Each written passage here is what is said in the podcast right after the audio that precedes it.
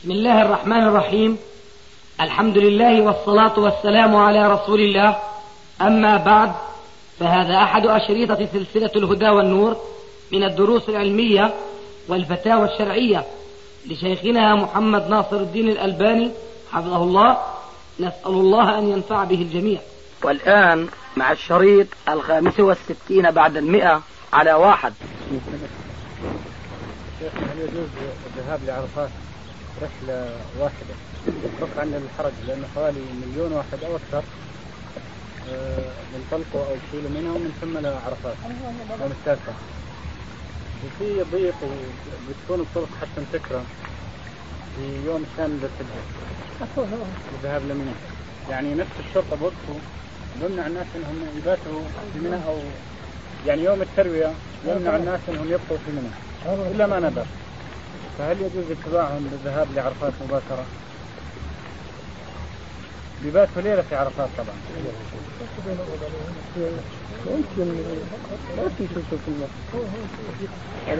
أنت غازي بتقول لي رفع الحرج رفع الحرج عن من؟ بالنسبة للحجاج بشكل عام وأنت منهم؟ أنا جماعة اللي معي منهم ولا أنا أستطيع أن أروح. آه غازي. آه الجماعة اللي معي. أنا شو بدي بالجماعة؟ لا خايف تقول لي كمان الجماعة اللي من معك. بالنسبة لي ما في حرج. طيب إذا بالنسبة لمين في حرج؟ هلا بيجيك السؤال الثاني بالنسبة للنساء للأهل يعني للنساء. شو الفرق بينك وبين زوجتك في هذه القضية؟ في حماس. اجتماعها مرض السكري. لا بأس طهور إن شاء الله. هذا بارك الله فيك. هذا التسلسل ما هو منطقي. أنت بدأت السؤال بالنسبة لرفع الحرج. رفع الحرج هو عن المريض ولا عن السليم؟ كان سؤالك.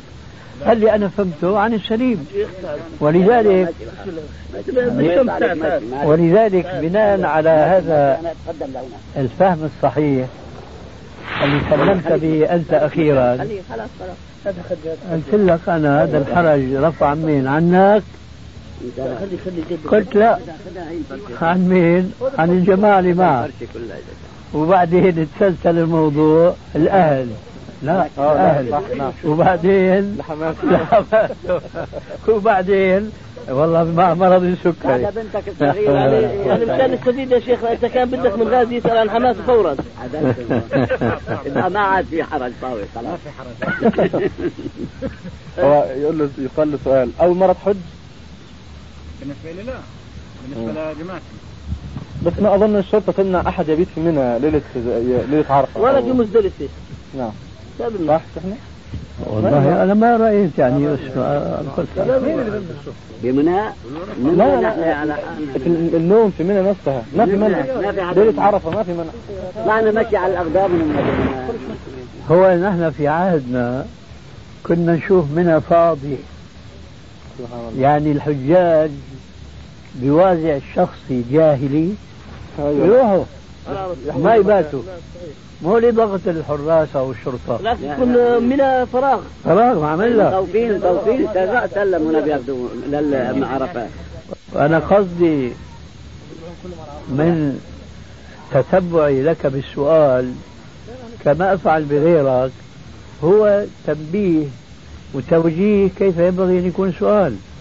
سؤال يأخذ تسلسل منطقي. ويتبين أن السؤال الأول ما كان في حاجة لإراده لأنه مش المقصود هو. بتبين في الأخير أن المقصود شيء بعيد عن السؤال السابق. ثم هذا تبين سبب أحد شيئين. إما لف ودوران من السائل حتى ما يعترف بخطأه أو غفلة غفلة منه وأحلاهما مر أيوة. نعم. تعلمون توسع الناس في إيجاب الدماء على بعض الحجاج. أي والله. فهل يمكن حصر الدماء التي تجب على الحج على الحاج في أولا دم التمتع والقران ودم الفدية ويجب على الحاج إذا حلق شعره لمرض أو شيء مؤذن. ثالثا دم الجزاء وهو الذي يجب على المحرم إذا قتل صيدا بريا. رابعا دم الإحصار عند عدم الاشتراك. ما نعلم سوى هذه الأربع جزاكم الله خيرا. شيخنا حديث من شهد صلاتنا هذه وقد وقف معنا حتى ندفع وقد وقف قبل ذلك بعرفة ليلا أو نهارا فقد تم حجه وقضى تفته تفته آه عند مباحثتنا مع بعض أهل العلم في السعودية قالوا ليس فيه حجة على ركنية الصلاة لأن هذه دلالة اقتران ودلالة الاقتران من أضعف الدلالات. فلا يستدل علي على ركنية هذا باقترانها بالوقوف بعرفة ليه؟ هل قام الدليل على أن دلالة الاقتران هنا غير مقصودة؟ هذا يقال حينما يقوم الدليل على عكس ما يدل عليه الاقتران نعم. ولذلك من هنا يأتي الجواب ويزاد على هذا فعل النبي عليه الصلاة والسلام توضيحه. صحيح لكن الفعل وحده لا يكفي لإثبات الركنية. مع القول. آه بلا شك. بيقوم بفكري قديما إنه ابن حزم يجيب حديث إنه مثل لا حج له اللي ما بيبات في المزدلفة. لا ذاك في العرفة. في المزدلفة كمان إنه الجمعة وما إنهم يأتي. بس ما ماني غير هذا الحديث نحن ما نعلم. إذا كان فيه بيكون نور على نور. أي نعم. العديد من حزم لا يبطل الحج وإن لم يصلي الفجر في مزدلفة. بدليل. أنه متوقع أنه يمسك. مسألة الذهب المحلق. أي نعم. لكن بالنسبة للذهب المحلق هو معذور بعض الشيء. يذهبوا للعمرة في رمضان. وكان بعضهم حضر مجلس العثيمين. فمن خلال الأسئلة اللي أوردوها الشباب عليه أوجب وجوب طواف الوداع بالنسبة للمعتمر. وبالتالي اختلفوا وانقسموا قسمين. مين؟ هم أخواننا. إيه نعم. وربما حدث مشاحنات فيما بينهم وكل واحد أخذ ب اما يعني أما حدوث مشاحنات فهذا من المستنكرات. فبدنا الجواب الصافي منك يا شيخ بالنسبة ل... ما بيفيد الجواب الصافي لأن الله يقول لا يزالون مختلفين إلا من رحم ربك. يعني العلماء الأولين اختلفوا في هذه القضية وسيكون شأن الآخرين كذلك. نحن نرى انه لا دليل على وجوب طواف الوداع بالنسبة للمعتمر لأن الاعتمار ليس كالحج له موسم معين. فإذا ما انتهى من مناسكه وعزم على الرجوع إلى بلده وجب عليه أن يودع آه، كعبة ربه. أما العمرة فتتكرر طوال السنة العثيمين يرى بأنه إنما العمرة مثل الحج حديث. لا لا يرى شغل العثيمين ذلك. لا العثيمين يرى أنه واجب. سواء رأيه أو رأي غيره؟ لا اسمح لي شوي. أعد كلامك وخذ حذرك. أعد كلامك الأخير لأنك أنت بتقول لي لا. ابن عثيمين. لا. لا أنت بتقول ابن عثيمين. يقول ماذا؟ وجوب هي قلتها من الأول لكن جاءت كلمة منك أظن مش منه أنه يرى أن العمرة كالحج بمعنى يجري على العمرة أحكام التي تجري عن الحج. نعم. هيك فهمنا منك. هذا هو. صواب فهمنا ولا خطأ؟ أه. طيب. فأنت متأكد الآن من هالكلام اللي عم تنسبه لعثيمين؟ كلام الإخوة. ثم قالوا غير هيك يا حاج آه. وما هذا هذا من الأخوة؟ لا لا. هذا من الأحباب يا شيخ. إيه لكن لكن أعطي بالك هي كلمة هذا ليس من الأخوة من من الأحباب. انت بتحكي مع مين؟ حملني ولو عجب عجب ولا هلا دورك انت تتحمله يلا شو أبو ماير شو؟ حدان. أيوه حدان قال ان فعلها فهو حسن وان لم يفعلها فلا بأس. هذا هو. هذا طبعا خلاف هذا القول. نحن نقول لا يفعلها. شو رايك وغير مشروعة. هذا هو لا يفعلها هذا لماذا؟ الذي يقوله الشيخ العثيمين. أنا جلست معه هذه الفترة كيف؟ يعني هذا خطأ؟ أي نعم هذا خطأ. شو يا غازي يا فندي؟ اسمع شو عم يقول. استوضح استوضح. أيوه من متى سمعت آه، ما- في رمضان. هذا على مذهب رضا ماشي ماشي ماشي. اي رمضان. هذا رمضان هذا في العشر الأواخر. طيب سمعوا غير هالحديث لا ما هو صحيح. أنا هذا متأكد منه. صدق الكلام. وما آفة الأخبار اي والله كيف؟ مين بيقول؟ ده بيعتبروهوش بالفتوى هناك. ابن عثيمين ابن باز. آه شيخ أما الشيخ البسام حملني إليك السلام يعني الكبير جدا. والحكومة أرسلت له رسالة تطلب منه تشاوره. من الذي يستحق جائزة الملك فيصل؟ أيوه. فأرسل لهم رسالة البسام أرسل لهم رسالة ذكر اسم الشيخ طبعا. قال إن الشيخ بيستحقها منذ سنوات بعيدة. منذ قبل ما تطلع من قبل ما تطلع. وفي كمان واحد اسمه القصيري. يعني على يعني مركز عالي هنا. أيضا يسعى لهذا. المهم شيخنا إيه. اسال تفضل. انت ما تموت الجلسة يعني. اي نعم. آه، يقول بعض أهل العلم كان النهي عن الذهب عاما للرجال والنساء. ثم جاء حديث النبي صلى الله عليه وسلم هذان حلال على النساء أمتي حرام على ذكورها. فأحاديث تحريم الذهب التي منها المحلق إنما هي على أصل النهي فلا تخصص بالمحلق منها. فما رأيكم دام فضلكم؟ رأيي ينقض باعترافهم بالنهي على الذهب كله. عن لا بالنهي عن أواني الذهب. أواني الذهب. هذا الكلام يشمل أواني الذهب. وضح شيخنا. يعني الآن بصير يعني. أح- أحاديث بدنا الحجة هاي يعني اللي أحاديث تحريم الذهب على النساء خاصة. نعم. كويس؟ هن عم يقولوا هذه الأحاديث الخاصة داخلة في النهي العام. في النهي العام. سابقا. فلما جاء الحل رفع التحريم. آه، من جملة المرفوع المحرم أواني الذهب. هم لا يقولون بذلك. إذا إذا هذه أقوى شيء ممكن يرد عليهم به. نعم. وهذا ما تراه في آداب الزفاف الطبعة الجديدة إن شاء الله. هل يكفي قولنا عند ذكر اسم الرسول صلى الله عليه وسلم عليه السلام؟ عليه الصلاة أم لا بد من عليه الصلاة والسلام؟ نعم. لا بد من عليه الصلاة والسلام؟ صلى. لابد من الصلاة. نعم. نعم صلى الله عليه وسلم. صلى نعم. الله عليه وسلم أو نعم. عليه الصلاة والسلام. أحسن. نعم. إيه. طيب هل هناك فرق بين الصلاة على النبي عليه الصلاة والسلام وغيره من الأنبياء؟ طبعا كل الفرق. نعم. هذا مأمورون به وذاك مندوبون إليه. أقصد صيغة. الصيغة صيغة لا ما في عندنا صيغة. ما في فرق الناس عليه السلام صلى الله عليه وسلم هذا لا وجه له. تفريق. تفريق بين مين؟ بين الأنبياء عامة والنبي أيوه الأنبياء عامة يقولون ماذا؟ عليه السلام فقط. آه.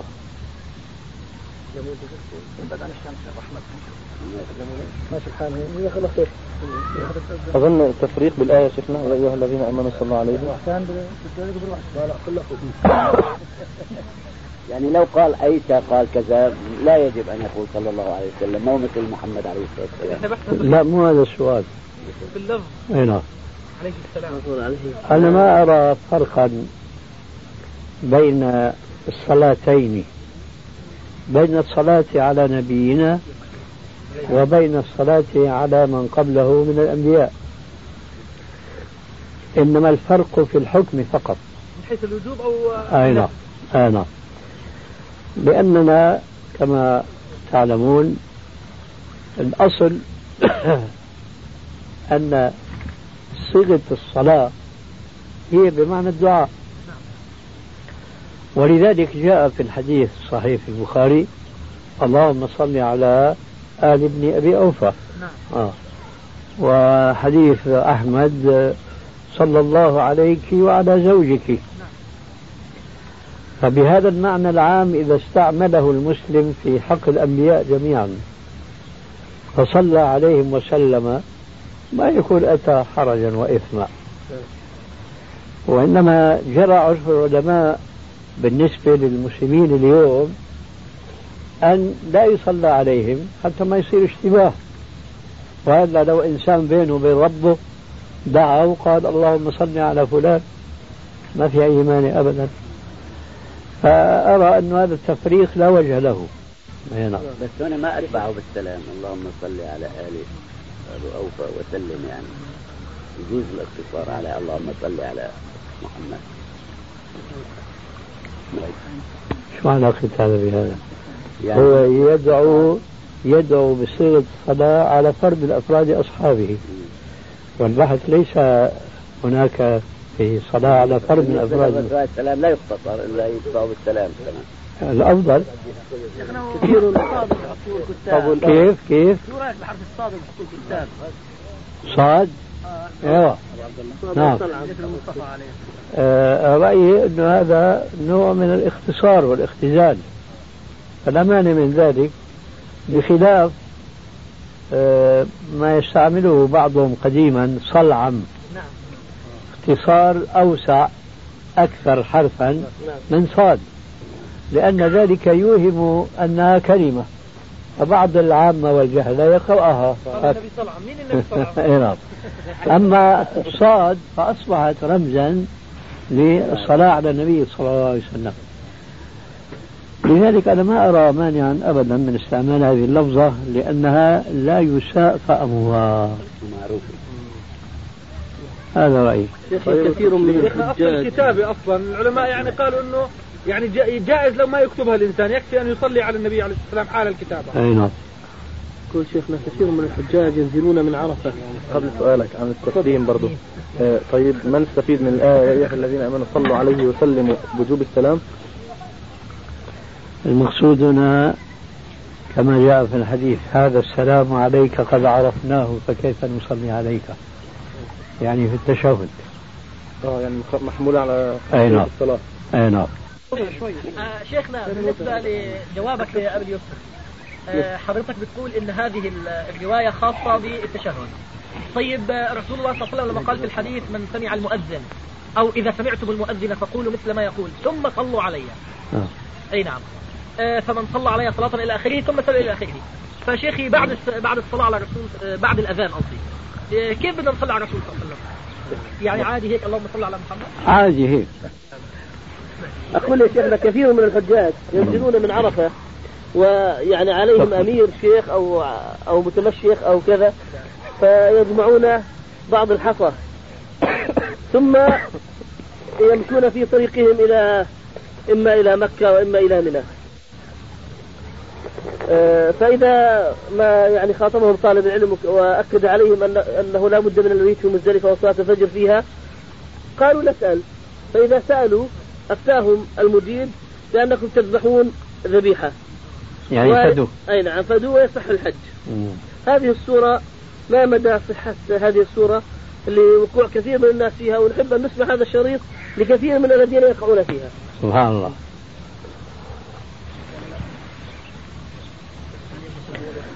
هذا في رأيي خطأ مزدوج.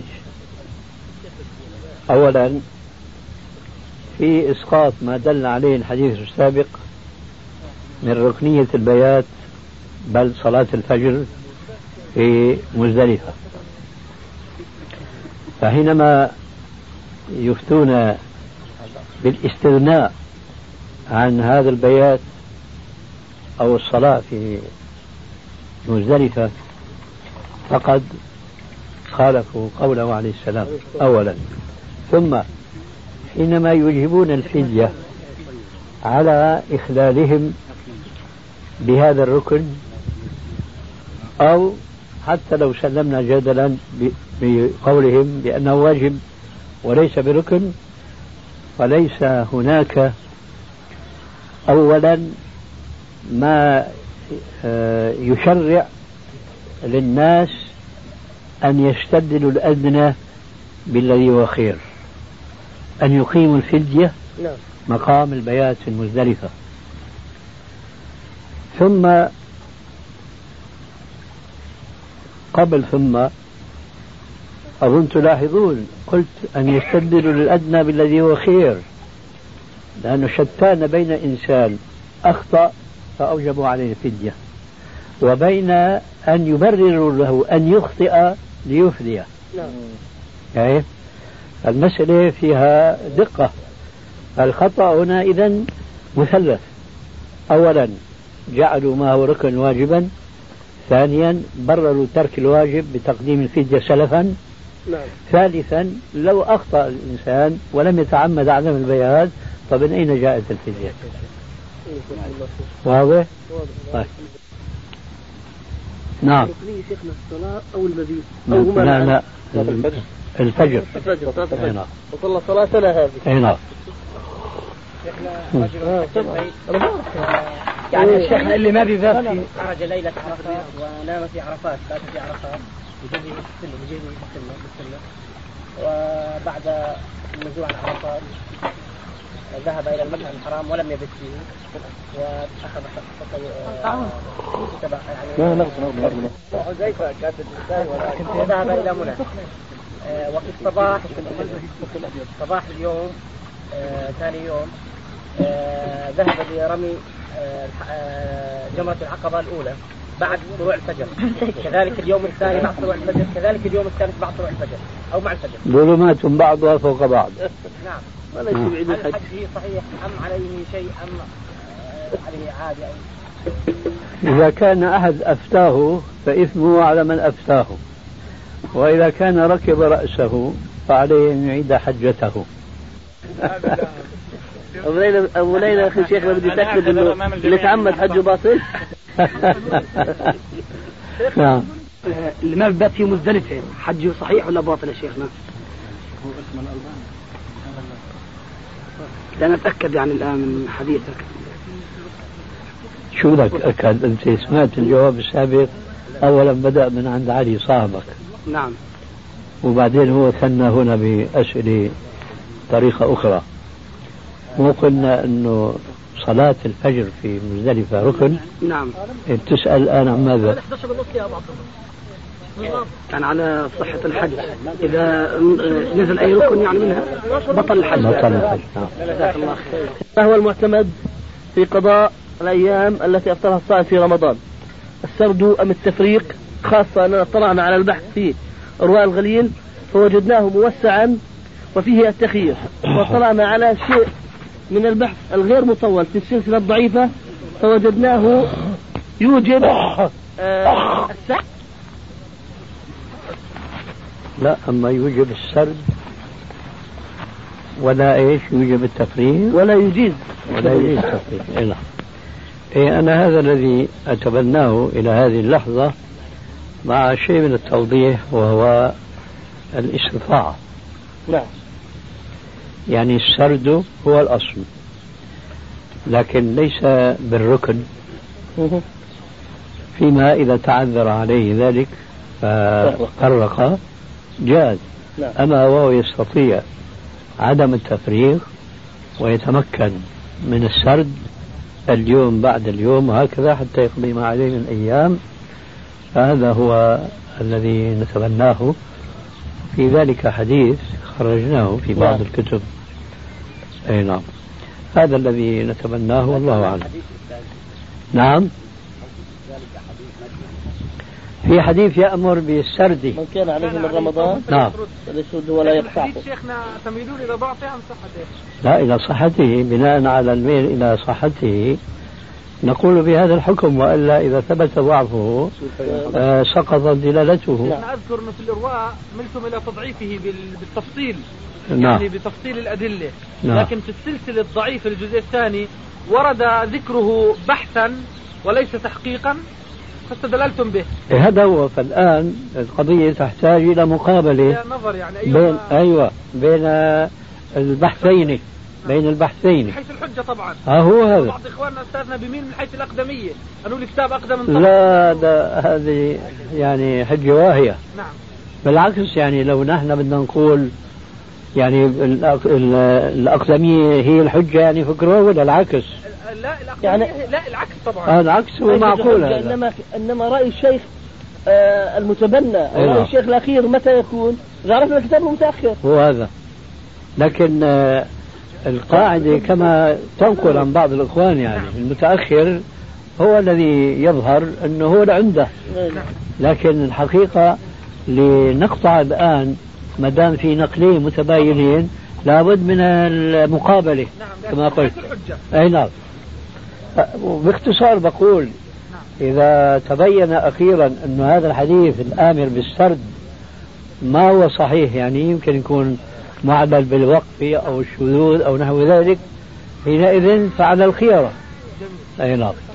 ولعلكم لعلكم تذكرونني ولو هاتفيا يعني. الليل إن شاء الله شيخنا. إن شاء الله. هذه امرأة عليها صيام شهر كامل في رمضان يعني ليلا لكن في الوقت الحاضر تصوم اثنين وخميس نافلة. وتؤجل هذا الصوم صيام الشهر إلى الشتاء حتى تسرده يعني حتى تسرده هل يجوز هذا بالفعل؟ إيه إذا أخذت سنة طابو. الله أن تعيش. الله لأيام الشتاء. نعم. هناك أثر عن بعض الصحابة وأظن أبو بكر بأن الله عز وجل لا يقبل النافلة ما لم تؤدى الفريضة. أثر هذا مش حديث. نعم. لكن نحن نقيم لمثل هذا الأثر وزنا لسببين اثنين.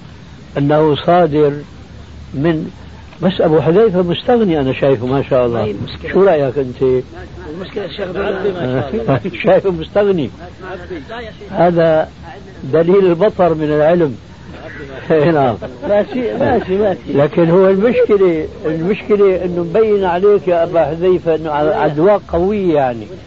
لأنه اللي بجنبك نعرفه أسطواني صامدة في الحرص على طلب العلم. مع ذلك يعني عم تصرفه هذا دليل قوة عدواك هو طيب. إذا كان هو اللي شغلك فأنا أعتذر إليك. أي نعم. نعم. لا يقبل الله النافلة حتى تؤدى الفريضة. أقول نحن نقيم لهذا الأثر وزنا وله عندنا قيمة معتبرة لسببين اثنين الأول أنه رأي صحابي والآخر أنه رأي إنسان بعد الرسول عليه السلام في الفضل والعلم والفهم. جزاك الله خير. شكر الله وسعيد هيك صح قال لي. شكرا. يقول هيك معلمك معلمنا. يا جماعة خلينا نشتغل يا جماعة.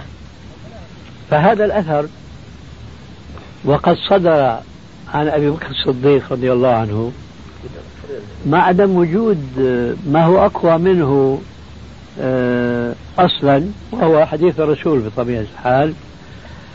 فنحن نقيم لهذا الأثر وزنا ونقدمه على رأي غير هذا القائل وهو أبو الصديق. فنقول امرأة عليها صيام أيام رمضان فتشغل نفسها بصيام أيام ست من شوال وتؤجل القضاء ما عليها من رمضان هذا خطأ فاحش لأنها تتقرب إلى الله بما لم يفرض يفرض الله عليها وتهمل ما فرض الله عليها وما الباعث لها على ذلك؟ خطيئة اعتقادية فكرية فاحشة. أنه أنا بقضي معالي في أيام الشتاء القصيرة. طيب أنت أخذي توقيع رب العالمين أنه هو حيأخرك إلى أيام الشتاء وأنك راح تكوني في صحة وراح تكوني في فراغ لحتى تعللي وتمني نفسك بأنه أنا بكسب الآن فضيلة هالست أيام وبعدين بقضي مما عليها من رمضان. لذلك نحن نوجب على مثل هذه المرأة أن تبادر إلى قضاء ما عليها من رمضان وتؤجل وتؤجل قضاء الست أيام من شوال إذا أتيحت لها الفرصة. وإذا افترضنا أن الفرصة لم تسنح لها فهي على كل حال هي الرابحة لأنها أدت الفريضة وفاتتها النافلة. فوين الخسارة؟ الخسارة في العكس. ولكن كما يعلم كثير من إخواننا الحاضرين أننا نقول في من دخل المسجد وقد توضأ. فله أن يؤدي عبادة واحدة ركعتين في ثلاث نيات. نية تحية المسجد نية سنة الوضوء نية سنة الوقت. فإذا افترضنا أن هذا العمل وهو صلاة ركعتين يكتب له أقل الأجر الذي وعد به المسلمون. في قوله عليه السلام يقول الله لملائكته إذا هم عبدي بحسنة فعملها فاكتبوها له عشر حسنات إلى آخر الحديث. افترضنا أنه كتب له أقل ما يكتب للعمل الصالح هو عشر حسنات. فهذا الذي صلى الركعتين وبثلاث نوايا كتب له بدل عشر حسنات 12 حسنة. عشر حسنات مقابل العمل حسنتين مجرد نية. نية سنة الوضوء نية إيش؟ سنة الوقت. لكن الأفضل من هذا أنه يصلي ست ركعات. لكن والله أنا ماني نشطان أصلي ركعات ست ركعات. وأنا مالي كما يقول عندنا في الشام حشو الكب هي أنا بدي يعني أخف الأعمال. أخف الأعمال الآن في عندك صورتين من صورة صورة واحدة من صورتين أنك تصلي ركعتين تحية المسجد لأنها واجبة عندنا وما تصلي سنة الوقت. هي الصورة الأولى. الصورة الثانية ما دام ما بدك تزيد على ركعتين أضف إلى نية تحية المسجد نية سنة الوقت. فيكتب لك حينئذ إحدى عشرة حسنة. هذا هو. فهذه المرأة أو أي إنسان لمرض ما من الرجال عليه قضاء أيام رمضان فليؤدي ما عليه من رمضان وإذا كان ما باستطاعته أنه يصوم ست شوال ست أيام من شوال خالصة لست أيام شوال فعلى الأقل ينوي مع القضاء ستة من شوال فيكتب له زيادة حسنة كل يوم. هذا الذي نراه في مثل هذه القضية. النية المشتركة سر الصنع فيها لأنه أنت قلت لي ما في يعني في مكان معين تلاقيه فيها بس شيخنا. إيه. آه. كيف يعني سر الصنع؟ ضابطة. إيه. لا أظن أنا أنه الشيء اللي عم يسأل عنه آه، قلناه آنفا بس وضح لنا. سألتك أنه هذا وين نجد في الكتب أنه اشتراك النية بها الواجب هذا الفرض. نعم. فقلت لي والله ما أحضرني في مكان معين لكنه أخذت من مجمل النصوص. إيه إيه هذا الذي ذكرته آنفا. هم بالسيئة من هم من هذا الباب. أي نعم. أي نعم هو هذا. شيخنا بالنسبة شوي نفس الموضوع. لا خلي لأنه هذا مبين عليه يتيم يعني ما سأل بالنسبة لسفر الرجل بالنسبة لسفر الرجل بعيدا عن أهله هل له مدة معينة أو يعود بالرجوع بسرعة؟ وفي حالة العودة هل يرجع ليلا أو لا أو لا يرجع ليلا؟ إيه هذا السؤال جوابه أنه الرجل هو اللي بيحدد الرجل الزوج يعني هو الذي يحدد وليس الشيخ المفتي ليه؟ لأنه الزوج أدرى بوضع زوجته من الناحية التي يطلقون عليها اليوم الناحية الجنسية ففي النساء المرأة الايش الغلمة ولا الغلمة ضابطين شيء؟ غلمة إيه. أي هل ممتلئة حرارة وشبقا وشوقا للزواج والنكاح؟ وهناك امرأة أخرى باردة برود الثلج في الشتاء. وبين هذه وتلك درجات نعم. لا يعلمها إلا الله عز وجل قبل كل شيء. ثم الزوج المبتلى بهذه أو بتلك. على أي حال أخرى. إيه. إذا إذا إذا كان الزوج مثلا يعرف من زوجته ذاك البرود هو ما بياخذ ما شاء الله من مدة. أحسن راحته. لكن إذا عرف منها العكس لازم يشد الرحل بسرعة ويذهب إليها ويقدم لها حقها. الذي فرضه الله عليه لها. أي نعم. فهمت الجواب؟ نعم. أي لكن نعم. لا يمكن الرجوع إذا نعم. أراد الرجوع إلى بلده. آه بقي الجو... بقي الجواب عن السؤال الشطر الثاني من السؤال. شيخنا في الأول في هو عن عمر بن الخطاب شيء في هذا أنه حدد أربع أشهر. أي نعم. هذا التحديد غالبي لأنه جيش. نعم. أما نحن بحثنا في الأفراد أي نعم. المقصود مع ذلك هلا بقول أنا الآن خاطرة خطرت في بالي؟ نعم. لو عندنا اليوم خليفة مسلم إن شاء الله بنشوفه نسأل الله ذلك. أي نعم. آه، ما بيجوز يقلد عمر الخطاب؟ يا سلام. آه. ليه؟ لأنه بيجوز يرى الشهوة العارمة اليوم مسيطرة على النساء والرجال أكثر من ذاك الزمان. شايف كيف؟ لا يغير الوضع. ولذلك فهو لازم ما يفتي بأربعة يمكن يقول ثلاثة.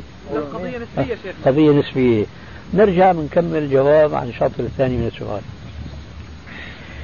هناك أحاديث كثيرة صحيحة في الصحيحين أن الرسول عليه السلام نهى الرجل أن يطرق أهله ليلا. وعلل ذلك في بعض الروايات الصحيحة لكي تنتشط الشعثة وتستحد المغيبة. يعني تتهيأ لاستقبال زوجها ولا تفاجأ به مفاجأة فيضيق صدرها بهذه المفاجأة. فإذا ما نحن عرفنا علة النهي عن الطروق أن يطرق الرجل أهله ليلا فحينئذ نقول القاعدة الأصولية تقول العلة تدور مع المعلول وجودا وعدما وإذا زالت العلة زار المعلول اليوم ممكن الإنسان وهو في بلده مهما كان هذا البلد بعيدا عن مسقط رأسه اتصل هاتفيا نحن اليوم سنكون بعد صلاة العشاء عندكم حل الإشكال هذا إذا فيما مدى بقى تستحد ال الايش مغيبة المغيبة آه وتتهيأ وتتزين إلى آخره فلا تفاجأ بمجيء زوجها وهي غير متهيئة لاستقباله. فإذا بهذا التفصيل يجوز. وسبحانك اللهم وبحمدك أشهد أن. لا إله إلا أنت. أستغفرك وأتوب إليك. إيه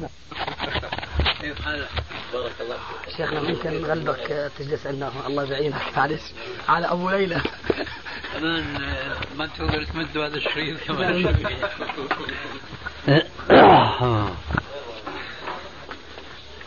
نسأل عن وعليكم السلام ورحمة الله وبركاته. أهلين. كيف حالك؟ لله رب العالمين. أهلا مرحبا. وعليكم السلام ورحمة الله وبركاته. نسأل عن حديثين. نعم. الحديث الأول قال رسول الله صلى الله عليه وسلم يا علي لا تنم إلا أن تأتي بخمسة أشياء وهي سقط الحديث من ابتدائه أساس. أي نعم. يعني حكم الدقيق أستاذي لا أصل له ولا لا أصل له. لا أصل له. أي نعم. الحديث إذا قرأت الفاتحة أربع مرات إذا قرأت قل هو الله ثلاث مرات هذا موضوع لا أصل له. أي نعم. الحديث الثاني وقال رسول الله صلى الله عليه وسلم أتدرون ما المفلس؟ قالوا المفلس فينا من لا درهم له ولا متاع. فقال إن المفلس من أمتي من يأتي يوم القيامة بصلاة وصيام وزكاة ويأتي قد شتم هذا وقذف هذا وأكل مال هذا وسفك دم هذا وضرب هذا فيعطي هذا من حسناته وهذا من حسناته فإن فنيت حسناته قبل أن يقضى ما عليه أي. فيعطي ولا فيعطى؟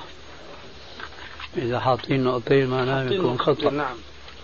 نعم. فيعطى هذا من حسناته وهذا من حسناته فإن فنيت حسناته قبل أن يقضى ما عليه. برضو هذه حط نقطتين قبل أن يقضي. مم. أخذ أخذ من خطاياهم فطرحت عليه ثم طرح في النار. هذا حديث صحيح في البخاري. هذا حديث. الأول هذا اللي ماخذ ثلاث أرباع الصفحة. مم. لا يصح. أما الثاني فهو والله يستر ما يكون هذه دهليج لهذا. يعني هذا الحديث صحيح. نعم. دهليج لتمشية الحديث الأول. شرط هذه ما له عند أصل عندما وضعه أصلا يعني. أي نعم. لذلك إذا كان ولا بد من هذا ممكن يعني أحاديث أخرى يعني لها معاني جميلة وكذا وفي أجر إن شاء الله. والأحاديث الصحيحة تغني عن فيها الأحاديث. الضعيفة نعم. الموضوعة وما أكثرها والحمد لله. شيخنا بدنا نصيحة إن شاء الله لأخونا محمد. إيه. آه بخصوص عملهم يعني. إيه. أو مثل الموظفين اللي عندهم. إيه. أكثرهم ما في تقوى الله من مرة بل أحيانا بتلفظ بألفاظ والعياذ بالله منها. فهل يجوز هؤلاء أنهم يشتغلوا أو هو شغل مثل هيك ناس؟ لا ما يجوز حتما. وتعاونوا على البر والتقوى ولا تعاونوا على الإثم والعدوان. وكلكم راع وكلكم مسؤول عن رعيته. فهذول الموظفين أو المستأجرين عندك أنت راعيهم وأنت مسؤول عنهم. بل لو كانوا يعني آه، أقل شر مما وصفه أحمد بمعنى ما يسمع منهم شتائم مسبات لكنهم لا يصلون فأنت مسؤول عنهم. لازم تأمرهم بالصلاة. ومن يأبى عليك تقول له مع السلامة نحن في غنى عن عملك. وهكذا المجتمع الإسلامي يجب أن يكون كتلة واحدة على طاعة الله واتباع سنة رسول الله صلى الله عليه وسلم. فما بيجوز للرجل المسلم الملتزم حقا لأحكام دينه أن يتعامل مع ناس في محله هو عالم بأنهم ليسوا على شريعة ربه تبارك وتعالى. ولذلك فيجب أن تستصفي هؤلاء الناس وتختارهم أن يكونوا من الناس المسلمين. الطاعين لرب العالمين والناصحين لمعلمهم وصاحب عملهم. أما أنه نقنع فقط بأنه والله هذول كويسين معي لكن مع رب العالمين الله بده يحاسبهم. هذا ليس منطقا إسلاميا أبدا. فيجب أنك تنصحهم فمن قبل منك النصيحة فبها ونعمت ومن أبى فقال له أرض الله واسعة. ترك شيئا لله عوضه الله خيرا منه. بلا شك بعدين في ملاحظة عفوا إن أنا يعني هم هم كويسين ابدا. السبب إنه ما بحافظوا على المال من مرة مثل اللي بكسروها اللي هذا يعني نروح ترجع تمام. وبيخسر مخاسر كثير إنما بقول مضطر أنا. نحن عم نفترض إن هن معهم منيح. نعم. لكن مع رب العالمين ردايا نعم. فلا يجوز إبقاؤهم عنده. فما بالك إذا كانوا كمان معه غير صالحين. نعم. نعم.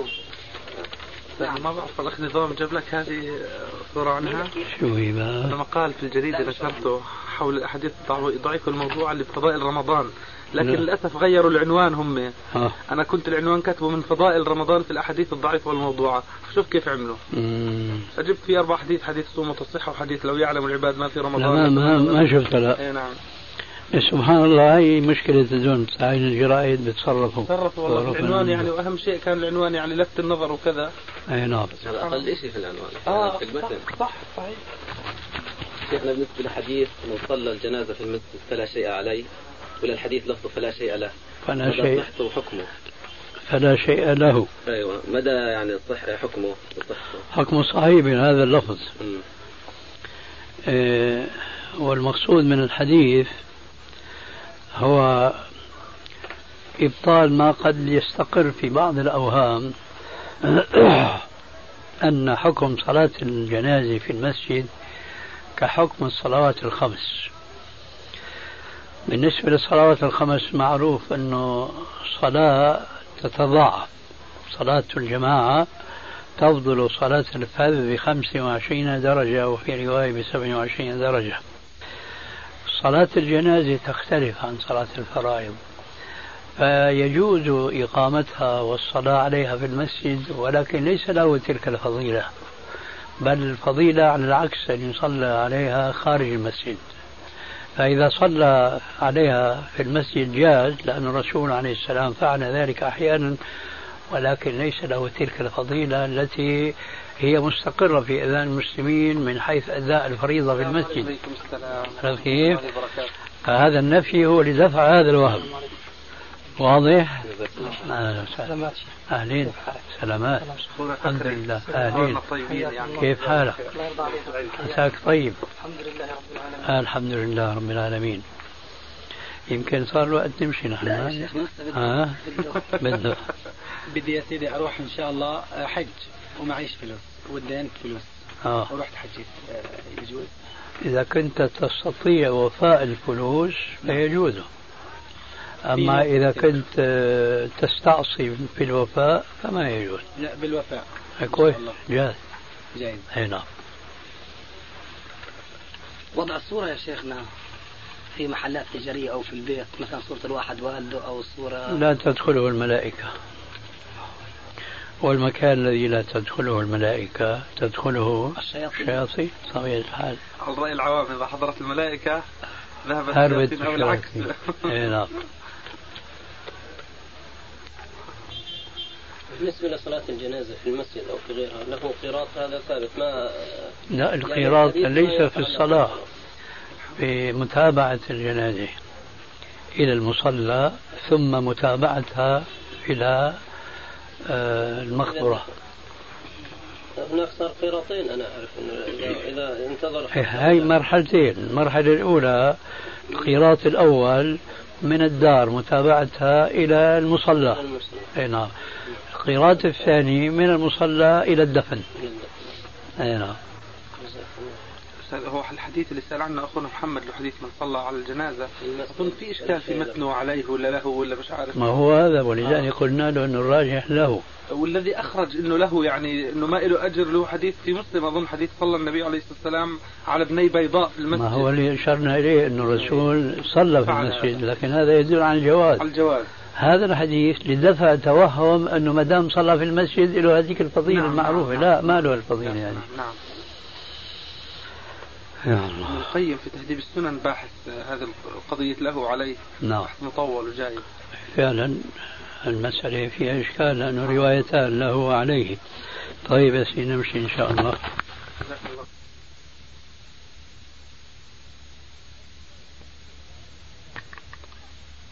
بسم الله الرحمن الرحيم. من سلسلة الهدى والنور أجوبة على أسئلة عبر الهاتف. السلام عليكم.